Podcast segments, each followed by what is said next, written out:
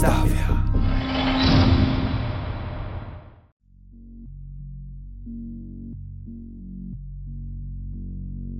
Artur Dzikowy Olchowy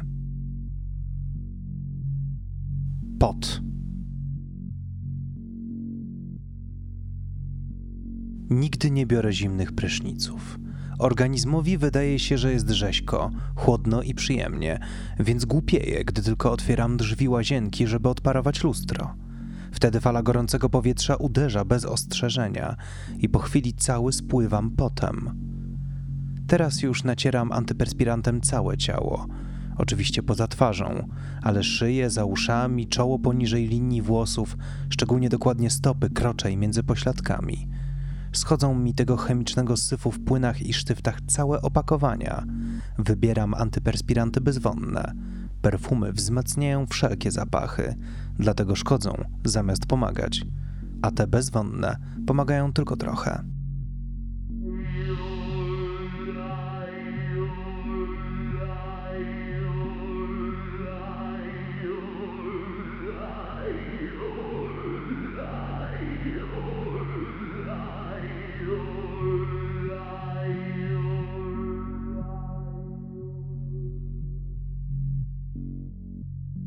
Drodze do autobusu skręcam do mięsnego. Taki osiedlowy sklepik z podłym asortymentem, znudzoną obsługą, w od dawna niepranych fartuchach i zawsze ze sznureczkiem rozgadanych staruszek, skrupulatnie liczących każdego miedziaka, z pekinczykiem na rękach lub tłustym jamnikiem plączącym się między nogami. Każde z nich po kolei podchodzi do lady i zadaje te same pytania, tak samo marze palcem po szybie, tak samo wybrzydza. A szyneczka ładna? Spojrzy, że ładna. A baleronik ładny? Ładny. A pierś kurzęcą to ma ładną? Ładną. Z rosnącym wkurwem słucham tych bezosobowych uprzejmości. Oglądam ten pokaz mody mięsnej, nowej rzeźno-garmażeryjnej kolekcji wiosna-lato. Przecież to ścierwo jest, myślę sobie. Ma być smaczne, nieładne. Ale nie, to nieprawda. Ma być wonne.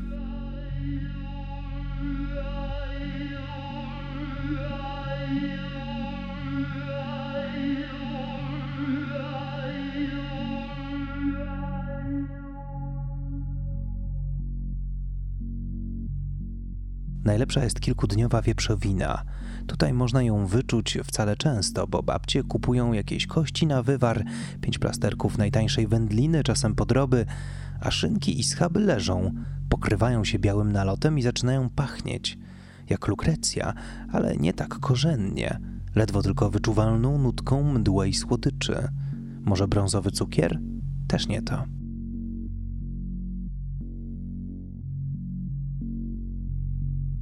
W sklepie jest chłodno. Jak w tych sklepach to robią, że we wszystkich mikroskopijnych spożywczakach lodówki wyciskają z ludzi ostatnie cuchnące żulem poty, a w mięsnym jest tak przyjemnie. Szynki, schaby, łopatki i polędwice czuję coraz mocniej z każdym krokiem bliżej lodówek. Teraz już mogę przestać oddychać przez usta. Wychodzę z kolejki, uciekam nosem od spoconej i przetłuszczonej głowy stojącej przede mną niskiej babci z odrostami. Mijam wędliny i idę w stronę mięsa. Wyciągam się, niby zainteresowany, byle tylko sięgnąć nosem za szklaną tarczę sklepowej chłodziarki. Jest mi zimno, czuję pod ubraniem gęsią skórkę, mimo to się pocę. Jeszcze raz nabieram powietrza i wychodzę. Jestem spóźniony.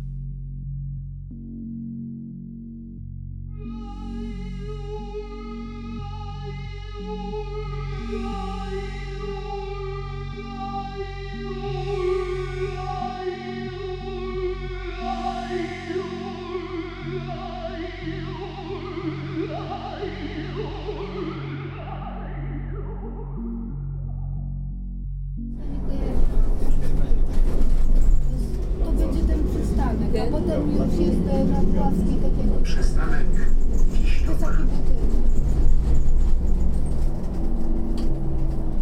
Klimatyzacja nie działa. Sekundę po wejściu do autobusu czuję, że cuchnę. Pot zmywa cały antyperspirant, koszulka zaczyna się lepić do ciała, majtki wpijać w tyłek, a można swędzić. Skupiam się na nieoddychaniu. Nie mogę oderwać wzroku od przepoconej pachą koszuli mężczyzny stojącego obok. Nawet krawat założył elegancik z grójca. Krawacik bez marynarki? Następny przystanek i tłum wyraźnie gęstnieje. Z każdym wchodzącym śmierdzielem ubywa tlenu. Teraz jestem wigilijnym karpiem w hipermarkecie. Co 30 sekund muszę zaczerpnąć powietrza i wtedy targają mną torsje. Już się kiedyś zżygałem w zbiorkomie, dlatego teraz przed wyjściem niczego nie jem przez całą dobę. Chwilę poszarpię i przestanie.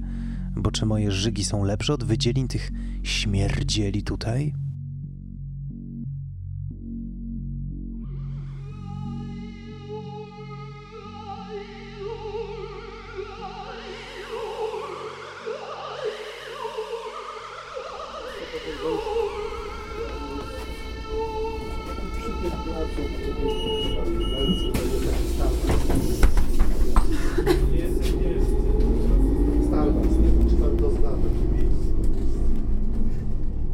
Wysiadam dwa przystanki dalej.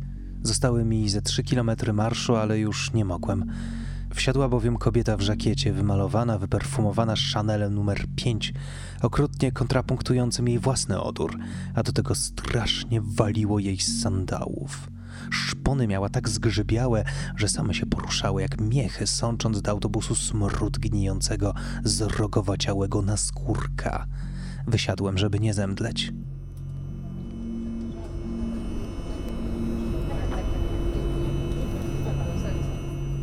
Dotarłem do stacji metra. Lubię metro o tej godzinie i o tej porze roku. Wdmuchiwane do wagonów powietrze jest rześkie, przesycone zapachem wilgotnego betonu i smarów. Takie inne, takie niebiologiczne. Ciekawe, jakby w metrze pachniała wieprzowina. Znowu te myśli.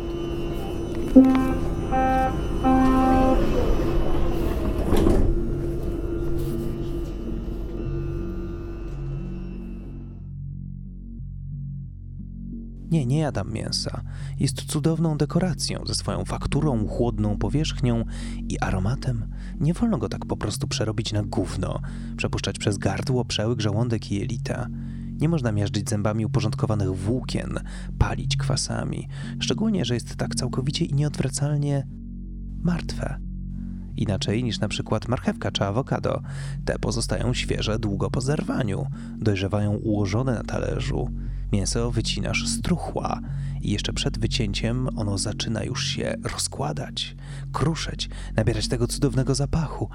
Czemu ludzie niszczą je przyprawami? Nie wiem.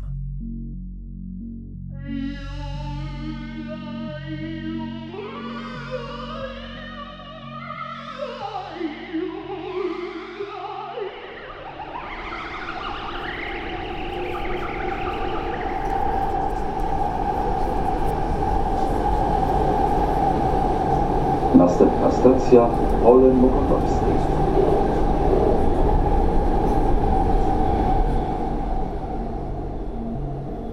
Twarzą do drzwi wagonu stoi chłopak. Obserwuje naprzemiennie to jego plecy, to front odbijający się w szybie. Jest młody, ma jakieś 20, może 20 parę lat, ale już z zakolami. I te koszmarnie zaburzone proporcje. Wielka głowa z odstającymi uszami, chudy i krótki tułów z rękami jak patyki, tak samo chudymi, pokrzywionymi i sękatymi. A poniżej wielkie dubsko, cudem utrzymywane na koślawych nogach, ze stopami na zewnątrz. W dodatku ma wyraźny talent do podkreślania swoich defektów. Zbyt ciasna koszula w pomarańczowy drobny deseń, zapięta a jakże pod szyję, spodnie z paskiem gdzieś w okolicach żeber i znoszone pantofle giganty, w których wygląda jak nieszczęśliwy klaun. Oglądam go dokładnie. Twarzy nie widzę. Szyba to jednak marne zwierciadło. Pod pachami zauważam mokre plamy. Włosy układają mu się wzroszone potem kępki. Ciemna smuga biegnie wzdłuż kręgosłupa. Założę się, że brodzi w swoich butach jak w cuchnącym bagnie, a skórę na stopach ma pomarszczoną od wilgoci. Wyobraziłem to sobie, aż mnie zemdliło.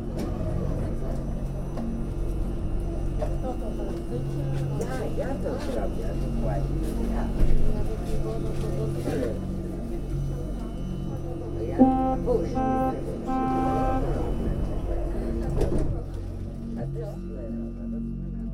Wysiadam razem z nim, idę otoczony jego obrzydliwymi oparami. Wiatr własny jego rozkładu spowalnia mój krok, ale muszę go dogonić. Wyciągam z torby krótką pałkę i wtykam mu w nerkę. Nie odwracaj się, chyba że chcesz mieć dziurę na wylot. Ostrzega mnie naturalnym głosem, bo nie mogę nabrać wystarczająco dużo powietrza, ależ on cuchnie. Teraz wyjdziemy na powierzchnię i powoli pójdziemy, gdzie ci pokażę. Przytaknij. Poleciłem. Uczynił to bez chwili zwłoki. Poprzednio zdarzało mi się zabierać im portfele. Tak dla niepoznaki, że niby jestem zwykłym rabusiem. Czasami działało, bo ludzie myśleli, że w jakimś zaułku puszczę ich wolno. Skoro mam już ich przetłuszczony skórzany skarb z gotówką, kartami płatniczymi i zdjęciami, które są tam ku pamięci, ale nikt o nich nigdy nie pamięta, nie dostrzega, płacąc za gazety i podpaski. Teraz nie zabieram portfeli. Niech myślą, że spytam o to później.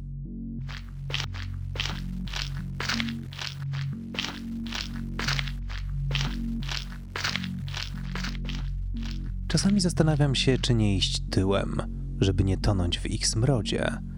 Teraz tak robię dopiero, gdy docieramy do starej rozdzielni prądu, ukrytej głęboko w krzakach, gdzie nikt nas nie dostrzeże. Czy przerażony człowiek nie powinien swoim smrodem wzbudzać litości? Byłby to sensowny mechanizm obronny, taka ostatnia deska ratunku. A może to mój mechanizm zawodzi? Bo mam ochotę zajebać studencika tu i teraz, na oczach wszystkich ignorujących nas przechodniów. Powstrzymuję się jednak. Na zewnątrz jest za ciepło.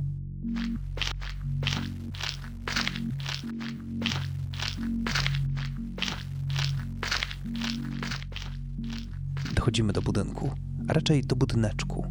Chłopak z wysiłkiem otwiera przerdzewiałe drzwi na przerdzewiałych zawiasach. Wchodzimy w ciemność, w chłód. Otacza nas woń mięsa. Nie, w tej chwili nie ma tu żadnego, ale te mury pamiętają, zazdrośnie przechowują zapachy, mimo szorowania szczotą drucianą. Czy może tylko mi się zdaje? Czuję tę woń. Nawet w swojej piwnicy, a przecież tam już od lat. Powoli sięgnij po portfel. Rzucam bez powodu, chyba tylko po to, żeby pomyślał, że przeżyje, żeby przestał tak cuchnąć strachem. Portfel oczywiście trzyma w tylnej kieszeni spodni, ciasno opiętych na nieproporcjonalnym dubsku. Przez chwilę próbuje go wyciągnąć, ale blokuje mu się dłoń wetknięta ponad garstek. Wpada w panikę i zaczyna się komicznie szarpać. Dobra, starczy tej komedii.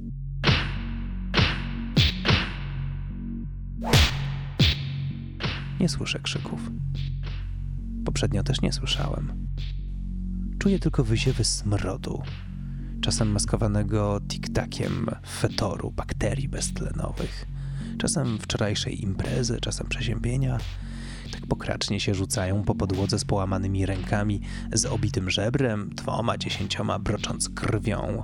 Za pierwszym razem uderzyłem od razu w potylicę, ale zapach był jakiś niepełny. Brakowało w nim krwi. Teraz najpierw rozbijam mięso, a dopiero potem, żeby krążenie za szybko nie ustało, rozbijam głowę. Nie mam jeszcze wprawy, więc potrzebuję kilku ciosów. Po tym ostatnim robią pod siebie.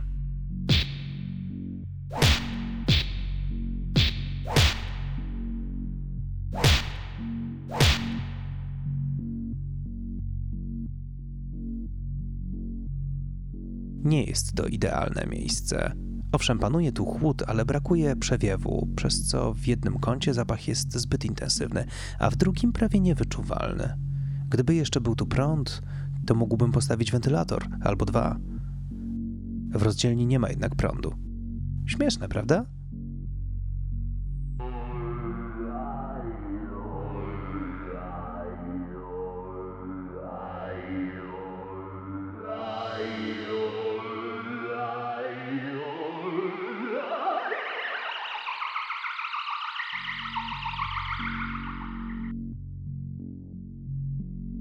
Zbędne resztki topię w rzece.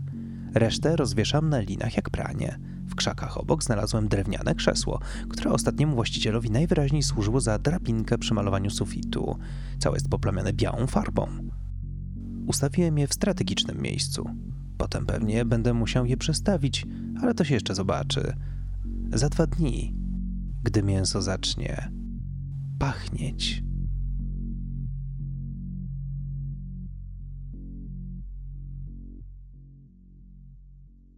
Czytał Błażej Grygiel.